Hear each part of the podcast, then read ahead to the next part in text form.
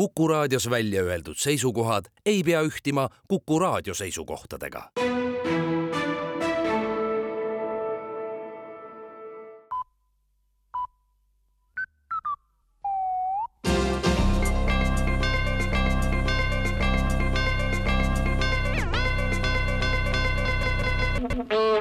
Tere kuulama uudiseid stuudios Rohke Debelak.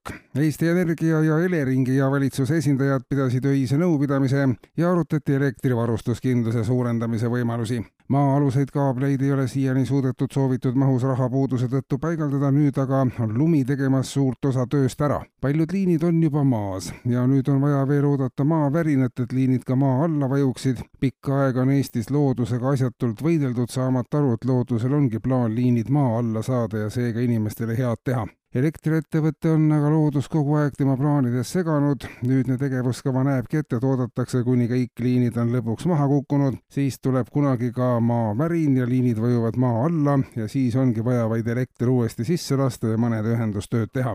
ajalises mõõtmes peaks projekt olema lõppenud kolmesaja aastaga, kui aga praegu kohe ehitama hakata, siis läheks sama palju valitsuses on aga laual Eesti majanduselu hoogustamise põhjapanev programm, mis näeb ette teise Eesti ehitamise projektiga juba tegeldakse ja nüüd otsitakse investoreid ja teist Eestit hakatakse Hiiumaa kõrvale ehitama hiljemalt aasta pärast. teise Eestisse pannakse püsti tuulikud, tuumajaam, tselluloositehas, kaitseväe harjutusväljakud, kanala, Rail Baltic, süstlavahetuspunktid, sotsiaalmajad, päikesepargid ja kaevandused. nimekirjast jääb hetkel välja enam kui kuuskümmend vajalikku rajatist ja ettevõtted, milliseid ei ole praegusesse Eestisse vastuseisude tõttu võimalik ehitada, kuid milliseid on ühele riigile väga vaja ja kergem ongi selle vajaduse tarbida tarbeks teise Eesti ehitamine. teine Eesti tuleb samasuguse kujuga, tõenäoliselt kokkuhoiu mõttes natukene väiksem, sest kõik ära põlatud asjad ehitatakse tihedalt üksteise lähedale. Eesti ei ole kunagi koloniaalriik olnud ja eesootav on kindlasti rahvusliku identiteedi piire avardav, märgitakse pressiteates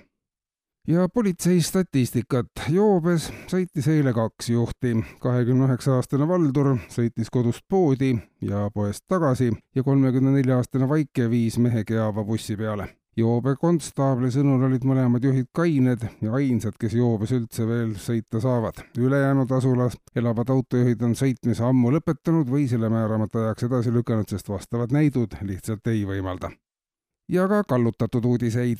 eile kell kakskümmend kolm neliteist õhtul kallutas kollase kastiga veoks suure koguse lund Kasetänav neli maja hoovi Keilas ja põgenes. pool tundi varem aga tahtis uut viinapudelit laualt võtta Kose elanik Mati Meetsev, kallutas ennast voodist liiga kaugele, kukkus sellest välja, tagajärjeks halb tuju veerand tundi tagasi aga kaldus kurtna kaevur Margus esialgu selle poole, et läheb naise juurde tagasi, naine aga kallutas arvamuse kohe teises suunas.